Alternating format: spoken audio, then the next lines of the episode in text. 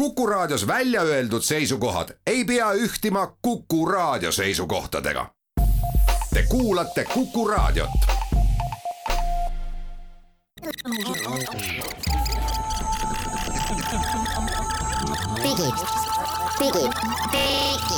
digitund, digitund.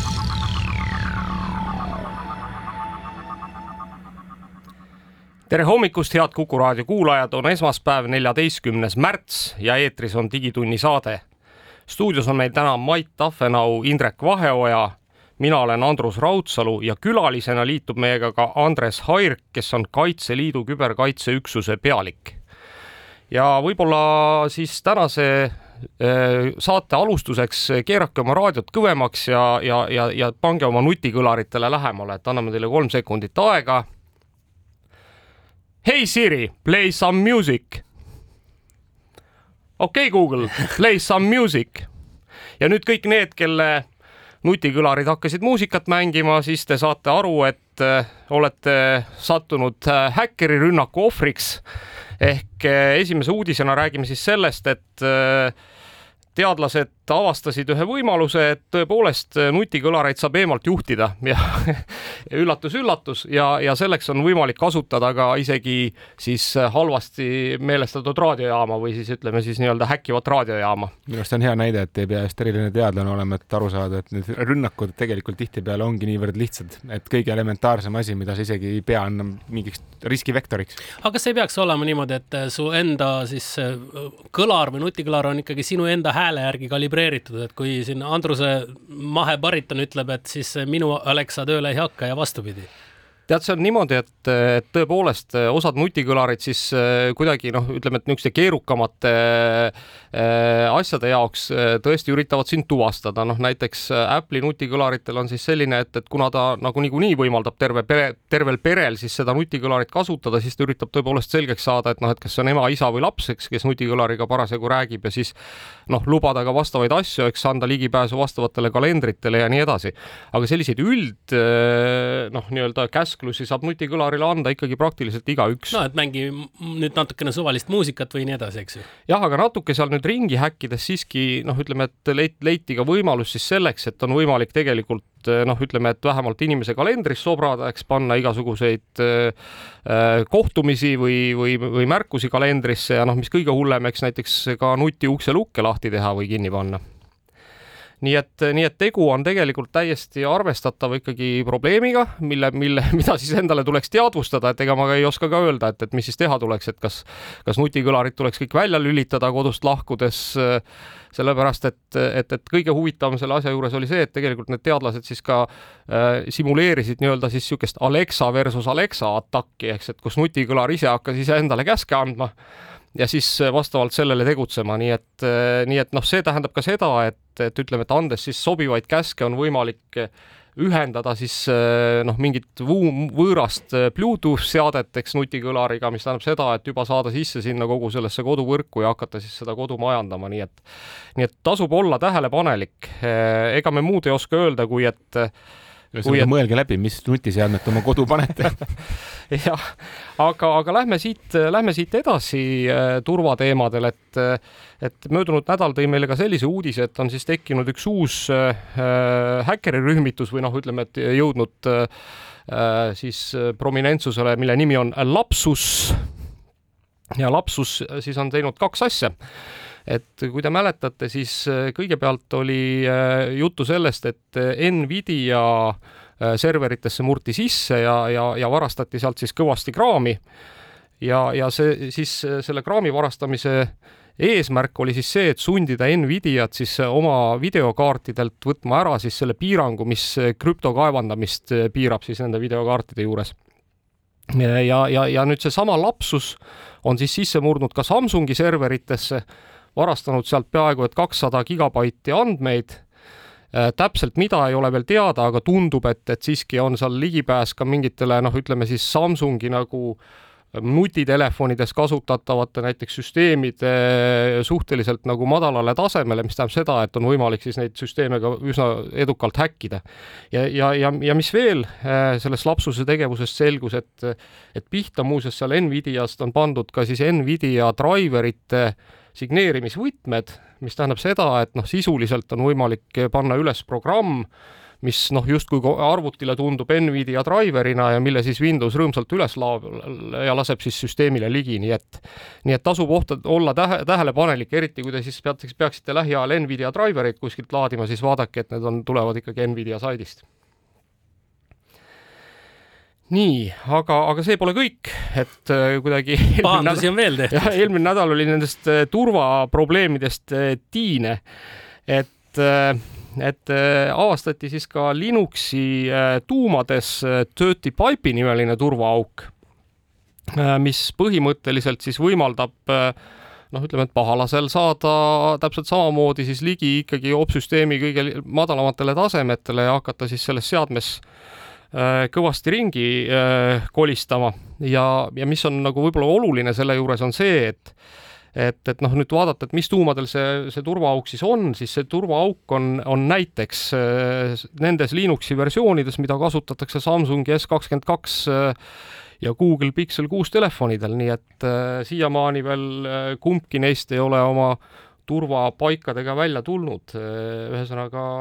äh, noh, see tundub päris hirmus ma isegi tahaks lisada, et, et tavaliselt, kui räägitakse Linuxist, siis inimesed kipuvad mõtlema, et ei, ei, mina kasutan ju Windowsi või, või mina kasutan Maci, et tegelikult see Linux on enam-vähem ikkagi igal pool mujal kasutusel, et telefonid ja Androidid on ju Linuxi baasil.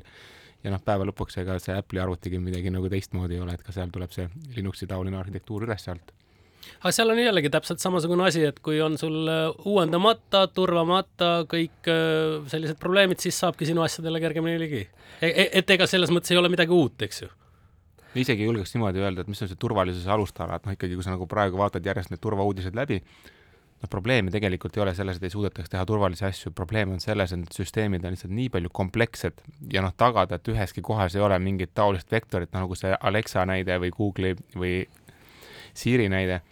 et noh, see tegelikult tihtipeale on täitsa isegi nagu ei ole isegi bugi, see on täitsa nagu noh, mida öeldakse bugi ehk siis viga, vaid see on hoopis nagu võimalus ja see on featuur, mm -hmm. ehk siis tegelikult see on ootuspärane funktsionaalsus, mida siis kasutatakse hoopis mingisuguseks vektoriks, mida alguses pahandusena ei ole ette nähtud või, või ette kujutatud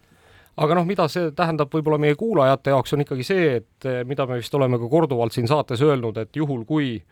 teile saabub nüüd siis uus äh, mobiilse operatsioonisüsteemi versioon, siis jumala eest tehke see uuendus ära, et ärge mõelge selle peale, et äkki muudetakse midagi teile kätte harjunud äh, veidi teistsuguseks või äkki, äkki kasutajaliideses üks nupp liigub ühe koha pealt teise peale, et tegelikult on ikkagi selle uuenduse taga ka see, et, et teie telefon on turvaline ja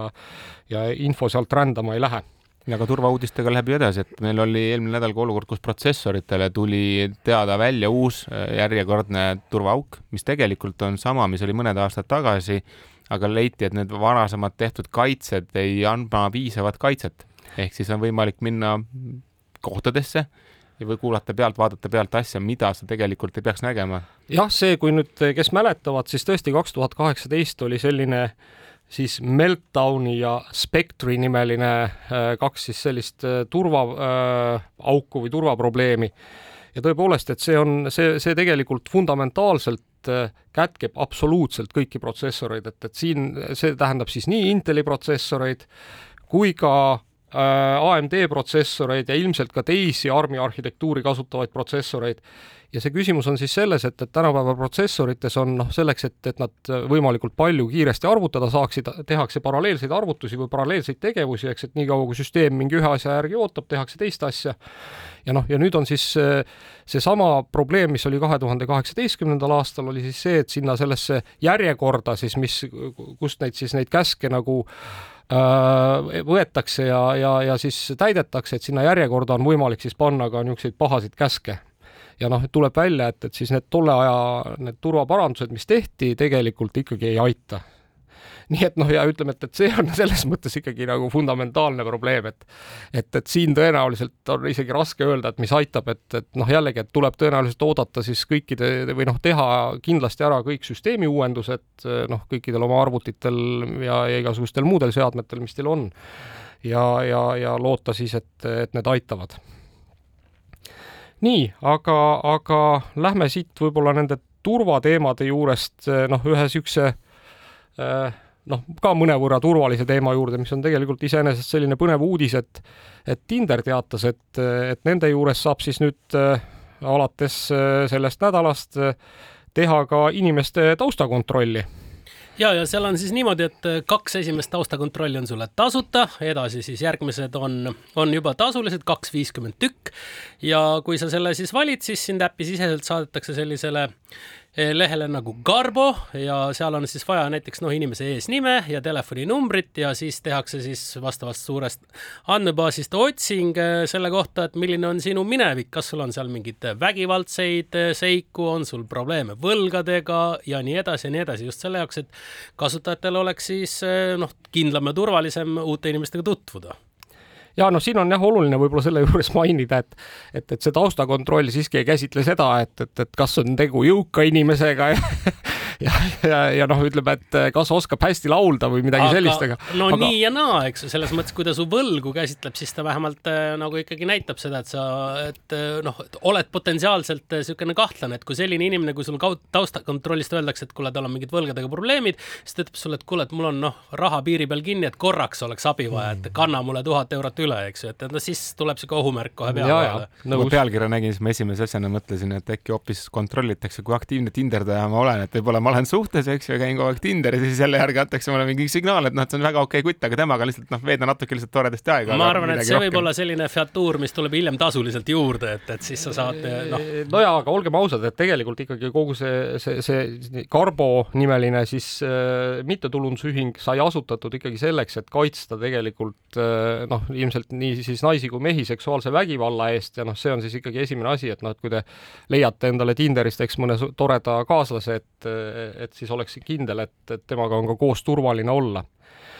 aga lähme siit äh, võib-olla hoopis teisele lainele, et räägime natuke ka äh, siis digiraadiotest, et äh, nimelt Amazon lansseeris uue äpi nimega Amp mis, mis on siis noh, ütleme, et mõnes mõttes võib-olla võiks teda käsitleda nii-öelda Clubhouse'i konkurendina aga, aga tegelikult on ta natuke rohkem kui lihtsalt nii-öelda jutuajamise koht või, või juturaadio, nii et nimelt seal ämpis on võimalik teha ka täitsa noh, nii-öelda raadioprogrammi, kuna Amazon avab ligipääsu ka muusikale ja võib siis Amazon Musicust kasutada ka siis teatavaid lugusid ja neid siis seal raadios mängida, et, et, et kõik, kes on siis äh, tahaksid äh, nii-öelda praegu kodus äh, põlve otsas teha meie raadiosaatele konkurendi, siis äh,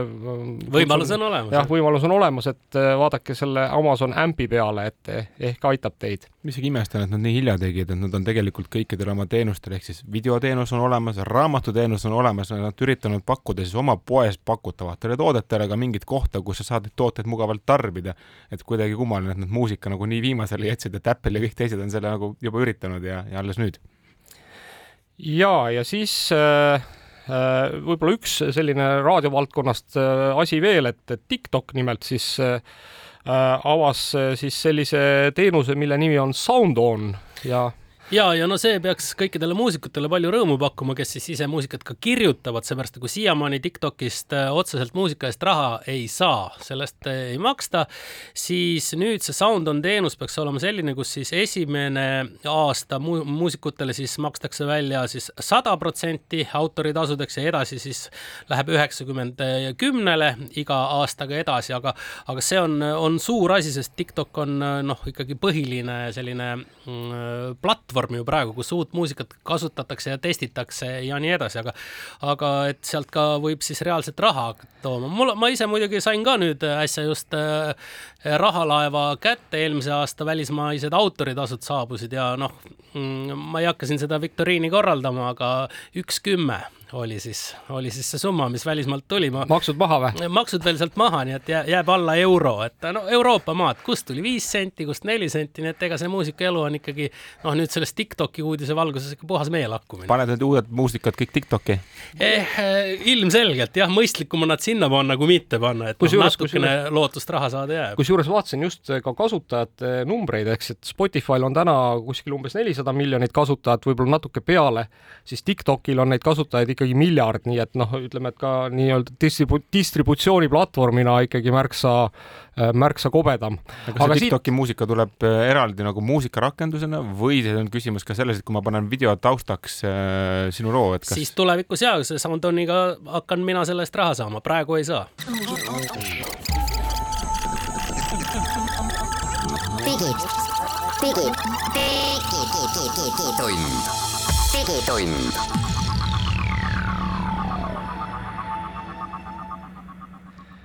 tere tulemast tagasi Digitunni lainele. stuudios on Mait Tafenau, Indrek Vaheoja, mina olen Andrus Raudsalu ja külalisena liitub meiega ka Andres Hairk Kaitseliidu küberkaitseüksusest. aga räägime nüüd vist selles saateveerandis äkki Apple'i möödunud nädala suurest äh, siis üritusest, kus näidati uusi tooteid, et Mait, mis sa arvad nendest toodetest? mulle tundub, et paljud ennustused nagu läksid nagu mööda, aga teisest küljest mm. nagu kohe, kui need Apple event ära lõppes, siis tulid need jutud uuesti, et, et ju siis praegu ei tunda, aga kohe-kohe ikkagi tuleb. aga teisest küljest uusi asju oli küll, noh, oodati uut iPhone'i, seda second edition'it, mis on niisugune odav, lihtne iPhone, see nüüd taas tuli, oli samasuguse nupuga aga paljud kriitikud ütlesid, et ootasid seda odavamalt, et loodeti isegi kolmesaja, neljasaja dollarist, aga ta nüüd ikkagi natukene sada on otsas, et need kõik hinnad on tõusnud. kuule, aga kas, kas tõesti see SE tähendab second edition'it ma olen kogu aeg mõelnud, mida see tähendab? tegelikult see on hea küsimus, ma võib-olla isegi nagu peaks korrigeerima, et ega vanasti ta oli niisuguse niisugune nagu järeltulemisega, aga võib-olla nad on ise ka kuidagi mingi statement'i selles osas teinud, et peab täitsa fakte kontrollima. Aga, aga selles mõttes, kui me nüüd korra selle iPhone'i peale vaatame, siis minu arvates on tegu ikkagi Special edition, mitte second yeah, edition, vaid special yeah. edition. Vabandust, tõesti jah, see oli tõsi, ma eksisin. et, et, et siis seesama special edition on, on, on, on minu arust täiesti pädev iPhone, see on üks huvitav asi, mida tegelikult tasub nagu vaadata, võib-olla me tuleme selle juurde veel tagasi, eks, aga Apple nüüd üritab kõik oma tooteliinid viia võimalikult standardseks ehk panna, noh, nüüd on siis selles iPhone SE-s on siis sama protsessor, mis tegelikult ka iPhone'is ja iPhone Pros. Ehk noh, ütleme, et, et, et sisuliselt nad erinevad siis oma omadustelt ainult selle poolest, et kui hea ekraan ühel või teisel on, kui head kaamerad ühel või teisel on ja noh, kas nad siis esteetilise välimuse poolest ka natuke on nagu sarnasemad või teistsugusemad ja noh, ütleme, et siis suurus sellel... ka ikkagi tegelikult ju nojah, ütleme jah, ja pluss siis iPhone SE-l, eks puudub näotuvastus ja on siis olemas ikka jätkuvalt veel nupp, on ju noh, mis tähendab ka seda, et, et see tema ekraanipind on natuke väiksem kui teistel, et, et kui teised on peaaegu et äärest ääreni, siis SE on ikkagi nagu ülemise ja alumise äärega. aga ütleks, et kaalujaotusest ta kindlasti on kõige mugavam ja kergem ja väiksem telefon, et eh, isegi kui sa mini võtad kõrvale, siis ta on ikkagi natukene õhem minist mm. -hmm. aga jõudluses, jõudluses on ta siis tegelikult äh, täpselt samaväärne nagu kõik teised iPhone'id ja noh, naljaks on see, et, et, et samasugune asi siis juhtus ka iPad'i maailmas ehk kui senini on siis iPad Prodel olnud siis Apple'i M1 kiip ehk sama kiip, mis on siis äh, noh, kuidas nüüd öelda, juba vist eelmise põlvkonna arvutites, et et, et siis seesama M1 kiip äh, on siis liikunud ka iPad Prost iPad Airi mis sisuliselt jällegi tähendab seda, et Apple'i jaoks, ma arvan, logistiliselt on see suurepärane otsus, see tähendab seda, et, et ta tegelikult ei pea tootma palju erinevaid protsessoreid ja siis kuidagi otsustama, et milliseid siis rohkem toota ja milliseid vähem toota, tegelikult toodab ühte ja sama protsessorit ja noh, ühel hetkel ilmselt lõpeb nii, nagu võib-olla nagu autodega on, eks, et, et, et kus sul nagu tegelikult noh, on sisse ehitatud kõik asjad, eks, neljatsooniline äh, kliimaseade ja, ja, ja, ja kõikvõimalikud navigatsiooniprogrammid, aga siis vastavalt sellele, kui palju see autotootjal raha maksab, nad kas aktiveeritakse või ei aktiveerita, et, et ilmselt juhtub Apple'i seadmetega ühel hetkel samamoodi. jaa, aga tuli veel, tuli nüüd välja uus monitor mille kõrvale on öeldud, et tõenäoliselt suurt iMaci enam ei tule, vähemalt niimoodi kõik äh, arvavad ja selle uue ekraani siis kasutus peaks olema see, et sa ostad endale ka uue Mac mini, millest nüüd on olemas ka võimas Mac mini, niisugune siis äh, no ma, ma, see vist ei ole enam see, kas see on nagu Mac mini on ta kohta raske öelda, et ta on ikkagi Mac mini, mille sisse on kõvasti õhku puhutud, on ju. jah, aga nad on, ütleme tehniliselt ka ülisuure võimsusega, et äh, mis tuli tegelikult ka koos uue M1 protsessoriga, et see oli see koht, mis ruumorites kõige rohkem mööda läks, et ennustati, et tuleb M2 aga tuli hoopis M1 Ultra, mis on põhimõtteliselt siis kaks M1 Maxi. et nad lihtsalt Apple läinud seda teed, et kuidagi nad nagu siis lihtsalt tuleb suurem tahvel ja seal on rohkem kõike küljes, et seal on kakskümmend, kuni kakskümmend tuuma CPU-d, kuni nelikümmend kaheksa tuuma siis graafikaprotsessorit ja ja, ja hästi siis äh, kiired äh, mälusiinid. kas rahalist numbrit on ka öeldud? Mis see, rõõm kõik maksma hakkab? minu arust on, vaat siin on, vaat siin on üks selline selles mõttes rusikareegel, et nii naljakas kui see ka ei ole, et ma olen eluaeg teinud nagu seda, et kui Apple on tulnud välja uue tootega, siis lähed sinna Apple'i saiti ja siis paned selle, noh, võtad siis selle kõige vägevama toote ja paned talle kõik vidinad külge, kellad ja viled ja paned siis to the max ja noh, ja selle hind on alati umbes kaheksa tuhat dollarit. nii, nii ka nüüd, nii ka, nii ka nüüd ka olema, eks ju. Mm -hmm.. aga enamasti ei ole alati sul seda maksimumi vaja, et me küll, on mingist harjumusest vaja inimestel alati seda viimast võtta, aga need viimased, ka need keskmise ja esimese otsa mudelid on nii palju võimsad, et et ma arvan, et sa ei jää millegist nagu otseselt ilma, et kui sa just ei tee mingit väga ultragraafika või videotöötlust, kus tegelikult on neid parameetreid vaja. aga üks asi, mis on küll oluline kogu selle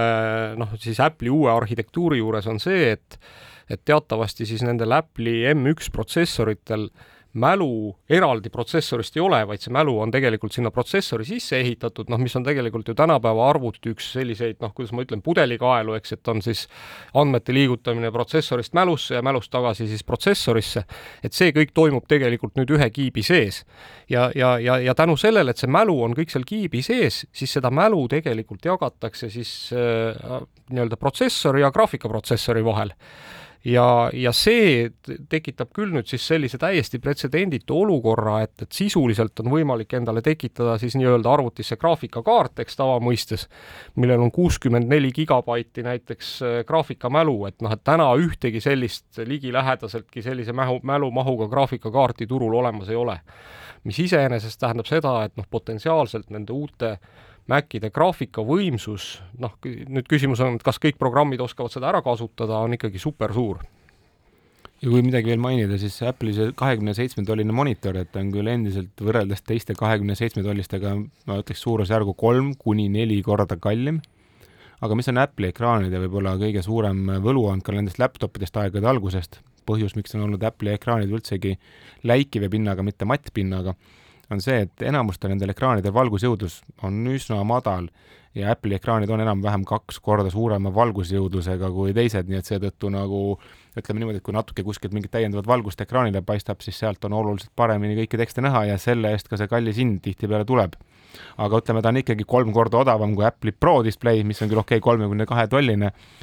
tal on natukene kehvemad need valgusnäitajad, ütleme maksimumpiikidest aga summa summarum tegelikult on iseenesest tegemist väga võimsa siis ekraaniga. oota, aga mis selle, tuleta meelde, mis selle ekraani hind oli, et äh, tuhat viissada dollarit oli öeldud ja kui võrrelda, paneme kõrvale siis Pro display, mis oli kolmkümmend kaks, on neli pool tuhat dollarit -hmm. et see on, ütleme, monitori kohta on seda tegelikult päris palju no tegelikult ega teistpidi nüüd, kui noh, ma arvan, et mängurid siin kiidavad mulle kaasa, eks, kes meid kuulavad, et, et kui sa tahad ikkagi osta nagu väga korraliku arvutimonitori, noh, mis on ka kiire ja näiteks mängimiseks sobiv, siis selle eest nagu tuhat äh, eurot välja käia ei ole tänapäeval väga suur probleem. kusjuures noh, minu enda kogemus näitab, et neid ei ole ka saada. Mm.. aga samas ütleme niimoodi, et see Apple'i uus ekraan ei ole kindlasti mängurimonitor, et ta ei ole nii kiire värskendussagedusega, ta on ikkagi kvaliteedile pigem pandud, et ehk siis kes töötleb videosid, kes töötab äh, pilte, graafikat, et mängur kindlasti niisugust monitori endale isegi ei taha jah, aga võib-olla siit veel lihtsalt ühe asjana siis äh, sellesama M2 protsessori äh, kuulujuttude osas, et, et, et kes vaatas seda Apple'i üritust ka, siis pani tähele, et, et see mees, kes seal protsessoritest rääkis, vabandage, tõesti nime ei mäleta, äh, see siis ikkagi pilgutas silma ja ütles, et aga Mac Pro osas on meil ka uuendused tulemas, noh, Mac Pro on siis teatavasti see Apple'i äh, arvuti, kus siis kasutatakse kõige, kõige vingemaid tehn-, tehnoloogiaid, noh, mis on küll täna siis hetkel see, mis on kõikidest teistest maha jäänud ja mis jätkuvalt kasutab Inteli protsessoreid. Kui ma tahaks nüüd Apple'i fänne kurvastada, siis seoses Hiinas uue Covidi lainega peatab Foxconni tehas iPhone'i tootmise no vot, vot loodame siis, et, et, et needsamad iPhone SE-d ikkagi jõuavad inimesteni ja, ja kõik saavad nende üle rõõmu tunda, aga meie siit hetkel läheme reklaamipausile ja oleme mõne minuti pärast tagasi.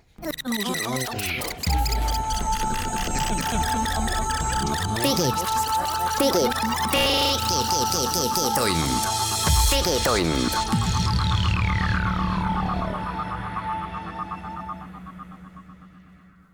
tere tulemast tagasi Digitunni lainele, stuudios on Mait Tafenau, Indrek Vaheoja, Andrus Raudsalu ja külalisena Andres Hairk, Kaitseliidu küberkaitseüksuse pealik. ja oleme rääkinud siin turvaprobleemidest ja Apple'i uutest toodetest ja läheme kiirelt edasi, siis äh, teeme väikse ülevaate sellest, et et mis on toimunud siis ütleme, et Venemaa äh, ja siis muu maailma kübersõjarindel, et et teatavasti siis Venemaa eelmisel nädalal kuulutas äh, Facebooki emafirma Meta ekstremistlikuks organisatsiooniks ja sellega seoses siis täna või, või õigemini vist eile lõpetas ka ligi, ligipääsu Instagramile, et Whatsapp,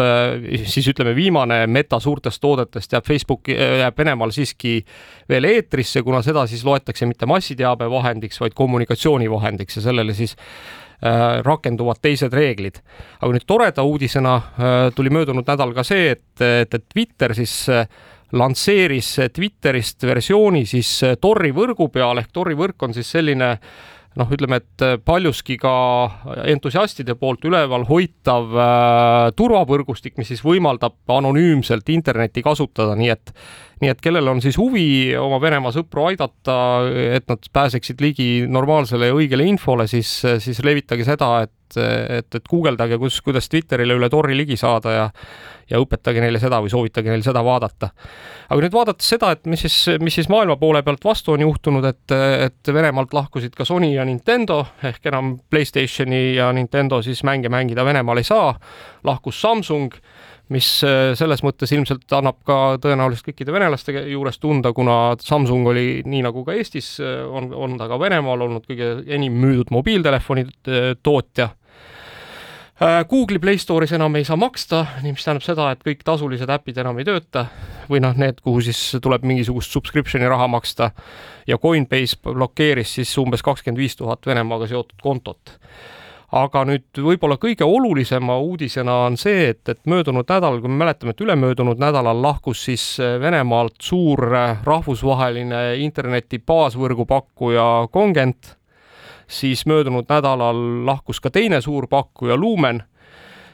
Ja noh, sisuliselt tähendab see seda, et Venemaal enam teiste mandritega ühendusi ei ole, ehk need on siis mõlemad USA äh, internetiteenuse pakkujad, et, et jäänud on Venemaale veel välisühendused läbi Itaalia, Rootsi ja Ühendkuningriigi. ja nüüd Congenti lahkumise põhjus oli, oli üks, üks suur põhjus oli see, et nad tegelikult ütlesid, et nad ei taha olla nii-öelda kandjaks siis Venemaalt saabuvatele küberrünnakutele ja siinkohal minu arvates ongi nagu hea sisse juhatada Andres, et et ütle, kas, kuidas hetkel olukord on, et, et kas neid küberrünnakuid Venemaa poolt Eesti poole tuleb või, või hetkel veel ei ole midagi täheldada? ja tere päevast, hea, hea kuulaja, et äh, huvitav küsimus selle koha pealt, et äh, kindlasti toimetatakse, sest küberruum ju teadupärast äh, väga keeruline piirata ja, ja niisugust ukse koputamist seal sinu äh, serverite ruutide taga on ju kogu aeg juhtunud, kas neid on rohkem tulemas või on seda vähem tulemas, noh, ma arvan, et kõige paremini vastavad sellele kas siis Riigi Infosüsteemide Ameti spetsialistid või siis äh, Kaitseväest, aga kindlasti on äh, toimetamine küberruumis äh, hoogustunud tänu sellele konfliktile Ukraina ja Venemaa vahel aga räägime siitkohast natukene isegi Kaitseliidust ja küberkaitseüksusest Kaitseliidus natukene lähemalt, et mis organisatsioon see on ja, ja kust see üldse alguse sai? Jaa, et me elame huvitaval ajal, et äh, headegune kriis ja tegelikult see Kaitseliidu küberkaitseüksus äh, sündiski kriisi ajal, see oli siis see kurikuulus kaks tuhat seitse aasta aprillirahutused, kui tegelikult äh, ju Eesti sattus ju analoogsete rünnakute alla, nagu me täna oleme tähendanud enne sõda Ukraina telekommunikatsioonisüsteemide vastu või üldse riigi, riigiametite vastu. ja, ja sealt tegelikult sai ka alguse küberkaitseüksus et oli selge, et on vaja koondada kokku oskusteave Eestis ja, ja siis võidelda selle ühise, ühise vaenlase vastu, kes siis nii-öelda meie inforuumi üritas maha, maha suruda. see settimine võttis aega ja kaks tuhat üheksa siis esimesed kaks sellist rühma, kes siis vabatahtlikest äh, IT-spetsialistidest äh, moodustati ja, ja esimene rühm oli Tartus, teine rühm oli Tallinnas. ja kaks tuhat üksteist siis äh, küberkaitseüksus äh, sai täitsa eraldiseisva nii-öelda maleva staatuses olevaks Kaitseliidu üksuseks. ja noh, malev on niisugune traditsiooniline Kaitseliidu struktuuriüksus, igal maakonnal on oma malev, on ju, ja KKÜ erisus nüüd äh, teiste malevatega võrreldes on see, et meil ei ole nagu piir, et noh, me toimetame üle, üle terve Eesti, et me oleme, kutsume ennast eksterritoriaalseks äh, malevaks Kaitseliidus. aga kirjelda nüüd natuke seda tööd, kuidas te seda abi nagu osutate, et et ma kujutan ette, et kui mul on homme kriis laua peal, eks ju, ja mul oleks hädasti abi vaja, siis noh, tõenäoliselt seda abi on väga raske osutada, sellepärast et noh, te ei ole nagu kursis, et noh, ma kujutan ette, kui ma niisama harjutan Kaitseliidus püssiga lastmist, noh, siis on lihtne, positsioonidele me teame, et mis su enam-vähem oskused on, sinu asi on sealt lasta, eks, et, et kuidas see abi üldse välja näeb, kuidas te saate aidata ja kuidas see on võimalik? noh, antud nüüd kriisi valguses midagi otse nüüd Ukraina toetuseks teha on noh, nagu üpris keeruline, aga nagu sa tegelikult hästi välja tõid, et noh, kõige parem kriisiohje algab ikkagi sellest ettevalmistusest, noh, ja sellest planeerimisest, et noh, täna, mis me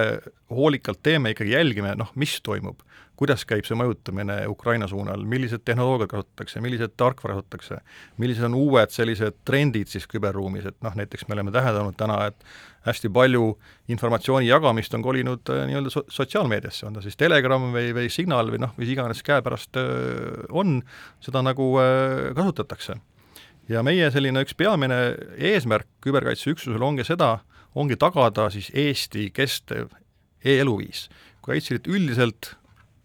garanteerib seda, et Eesti riik püsiks, siis meie sellesama valguses siis keskendume rohkem selle e-eluviisile. ja, ja meil on äh, neli sellist tegevusliini,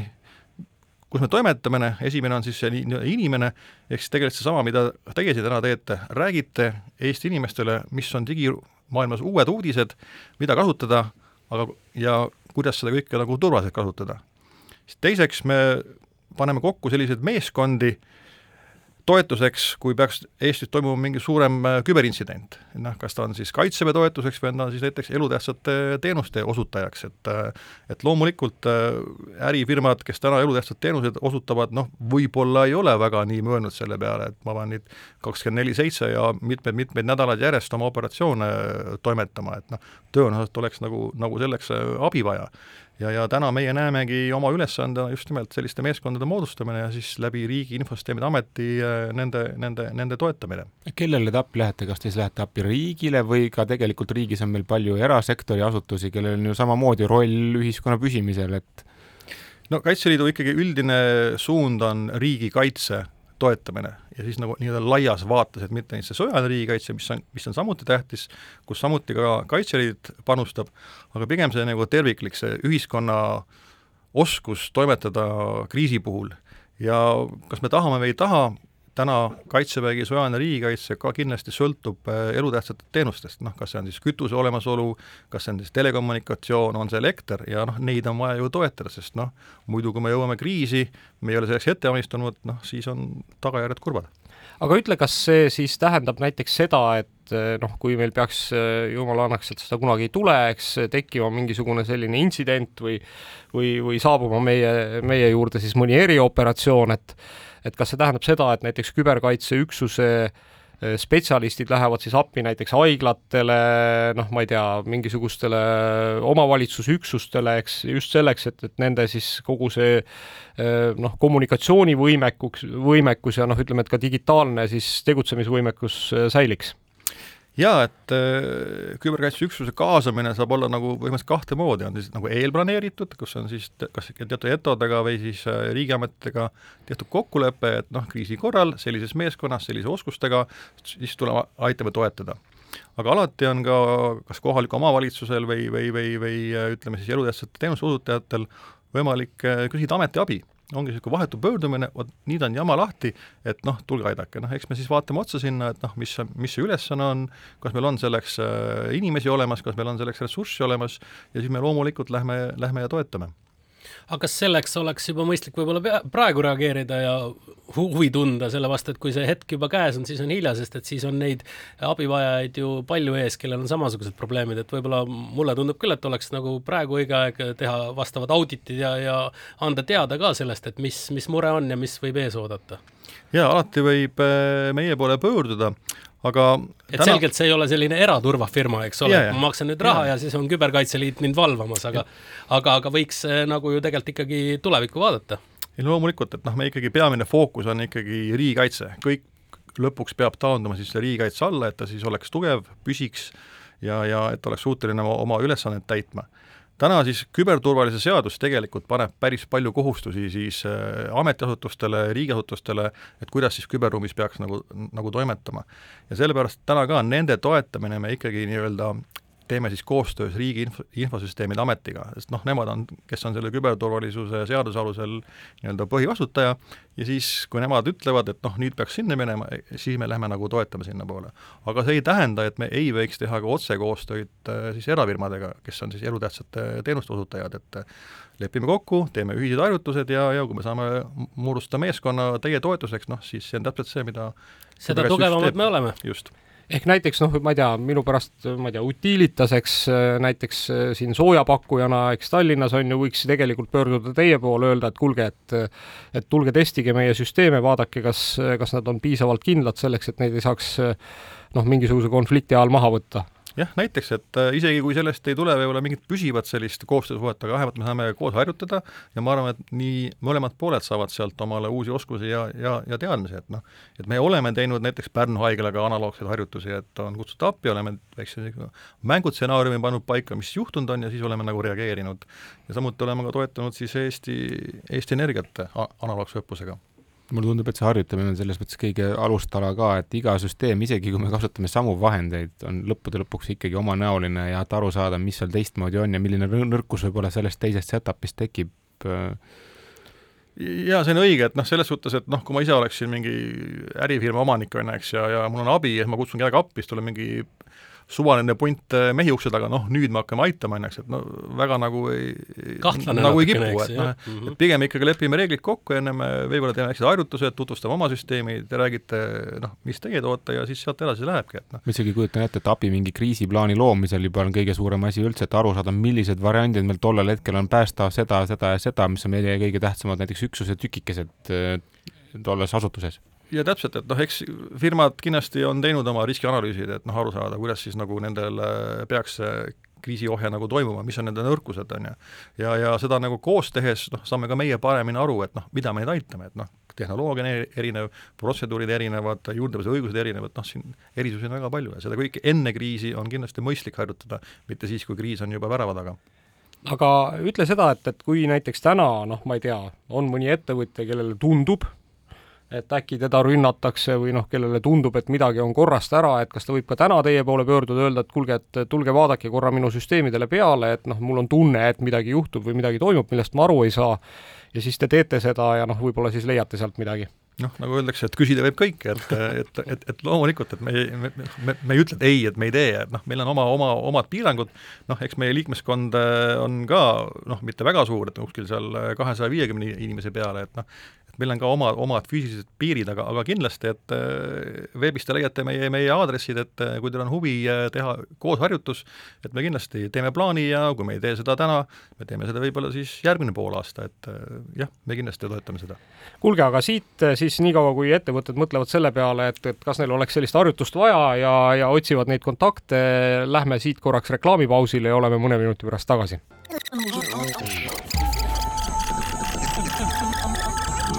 Digid, digitund,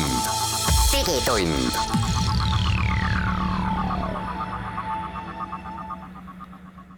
digitund jätkab siitkohalt äh, arutelu äh, küberkaitsest ja, ja meil on külas äh, Kaitseliidu küberkaitseüksuse pealik Andres Hairk ja stuudios on Mait Tafenau, Indrek Vaheoja ja mina olen Andrus Raudsalu.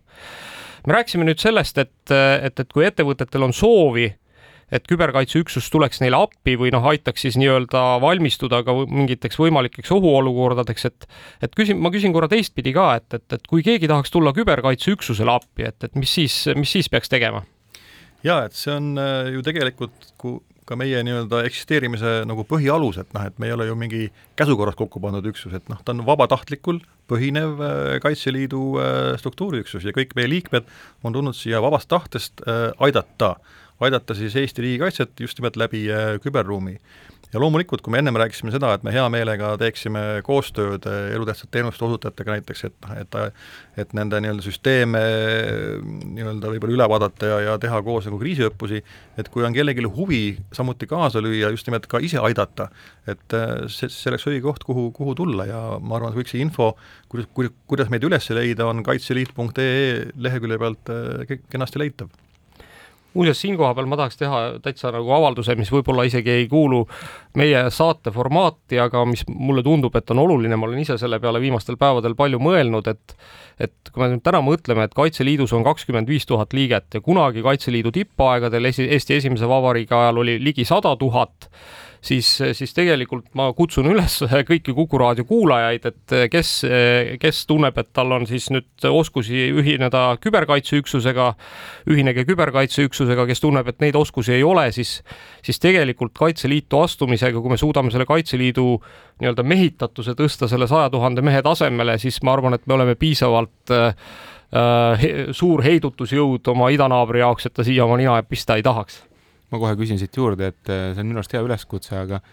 aga räägime natuke sellest elust Kaitseliidust, et, et kui ma nüüd kontributeeriks või tahaks sinna panustada, samal ajal noh, meil kõigil on ju mingi töökoht, pered, kõik tuhat miljon asja, et äh, mida see tegelikult tähendab, kuidas ma saan üldse aidata, mis on need aitamise viisid, vormid, äh, millisel juhul ma ei sega, vaid aitan? jaa, et see üleskutse on väga, väga tänuväärne ja, ja nüüd aus olla, et noh, tegelikult see liitumist arv on tõusnud ikka hüppeliselt, et vahepeal on tunne, et meid tahetakse nüüd nagu surnus, surnus kallistada, et et teenos toimub. jah, et, et, et, et nii palju, et lihtsalt, et ja siit ka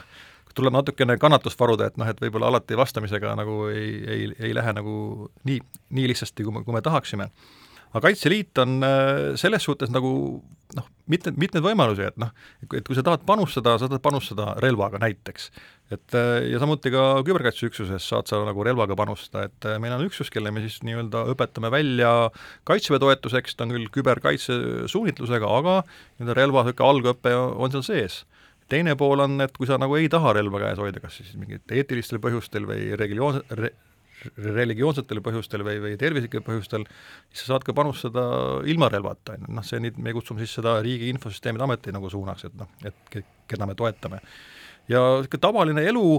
Kaitseliidus vabatahtlikuna noh, näeb ütleme aasta lõikes välja umbes selline, et noh, ütleme niisugune üheksa nädalavahetus, kui sa nagu panustad Kaitseliidu tegevusse, siis on nagu väga noh, väga, väga kõva. Et seadus näeb ette, et sa pead nelikümmend kaheksa tundi tegema nii-öelda mõtestatud tegevust Kaitseliidu toetuseks ja pead maksma kaksteist eurot aastamaksu, noh see, noh see on see miinimum, aga noh, täna ikkagi inimesed ikka teevad ikka kõvasti, kõvasti rohkem.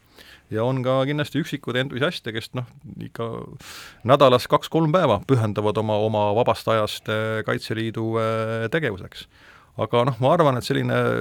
aastas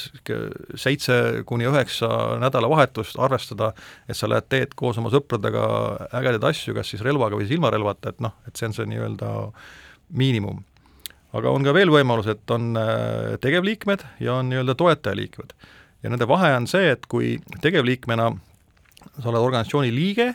ja, ja sa panustad just nimelt oma tegevusega, siis toetajaliige saab panustada ka teistmoodi, noh näiteks kas sa teed mingi annetuse, kas me lepime kokku, et äh, meil on vaja teha suurem seminar, et sa annad meie näiteks äh, konverentsiruumi kasutada. et ka selline võimalus on äh, toetada Kaitseliitu, et noh, see ongi niisugune nagu toetav tegevus, et siis ka Kaitseliit saaks oma väljaõpet ja, ja tegevusi läbi viia.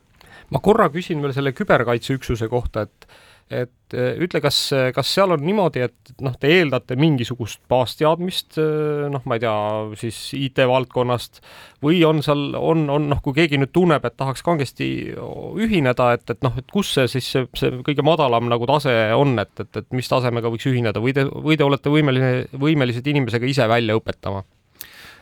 Me ei pane kindlasti mingisuguseid piire, ütleme, hariduslikus vaates, et, et, et kõik, kes soovivad kaasa lüüa, me üritame leida neile selle, noh, selle õige asja, et milleks nad hea, et noh, et on vaja teatud dokumendid ära täita, noh näiteks astudes sa pead tegema avalduse ja sul peab olema ka kaks soovitajat, on ikka, ikka nagu natukene noh, mitte just klubiline tegevus, aga noh,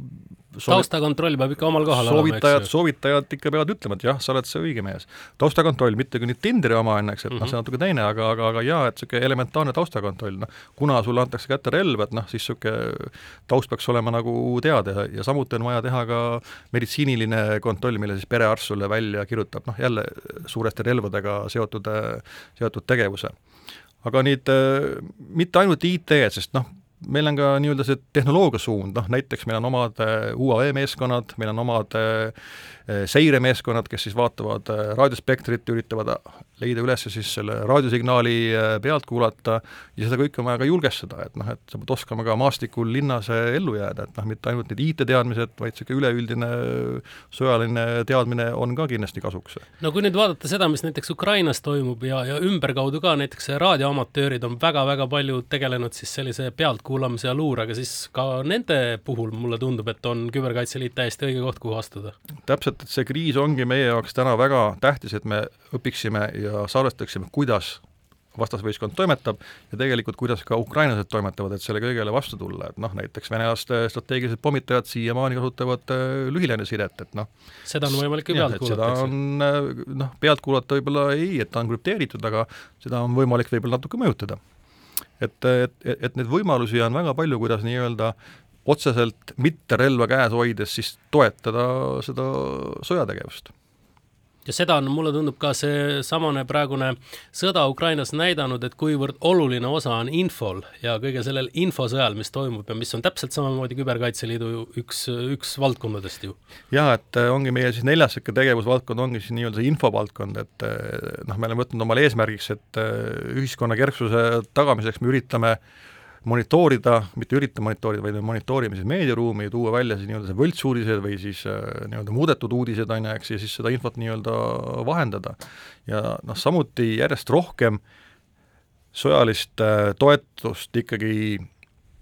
tagab äh, rahva meelestatus. ja täna, nagu ka Ukraina kriis on näidanud, noh, üritatakse ikka rahva meelestatust nii-öelda ära keerata või siis nii-öelda omade vastu, vastu keerata. et see arusaamine, mis toimub sul info inforuumis, meediaruumis, et see on nagu väga-väga tähtis ja see muutub järjest tähtsamaks nendes uutes, uutes sõdades, et, et selles suhtes väga-väga vahva, et te jälle teete seda, et, et kindlasti hea meelega võtaks teid oma kohe nii-öelda meedia, meediatoruks, et et seda ära kasutada. No me oleme siinkohal kindlasti nõus igatepidi nõu ja jõuga aitama, et et ütle, kas see Propastopp on, on ka küberkaitse kes, üksuse lehekülg või, või, või, või peab seda keegi teine üleval? ei, otseselt ta ei ole, aga, aga me kindlasti toetame seda, noh, see, noh, seda initsiatiivi, et seal on, meie Kaitseliidu liikmed on seal äh, tegevad olnud. jaa, et kes ei tea, siis tegu on, äh, on siis internetileheküljega propastop.org, kus siis paljastatakse äh, ütleme siis Eesti-vastase propaganda ja noh, üleüldiselt ka igasuguse muu propaganda tegevust, et, et, et kes ei ole vaadanud, kindlasti soovitan ka sinna peale vaadata. nii, aga, aga siinkohal ma, mul on tunne, et meie saateaeg hakkab läbi saama. aitäh Andresele, et, et kutsume jätkuvalt kõiki kuulajaid üles liituma Kaitseliiduga, kas siis küberkaitseüksusega või mõne teise malevaga. ja kohtume teiega juba nädala pärast. jah, aitäh meeldiva vestluse eest ja kena päeva!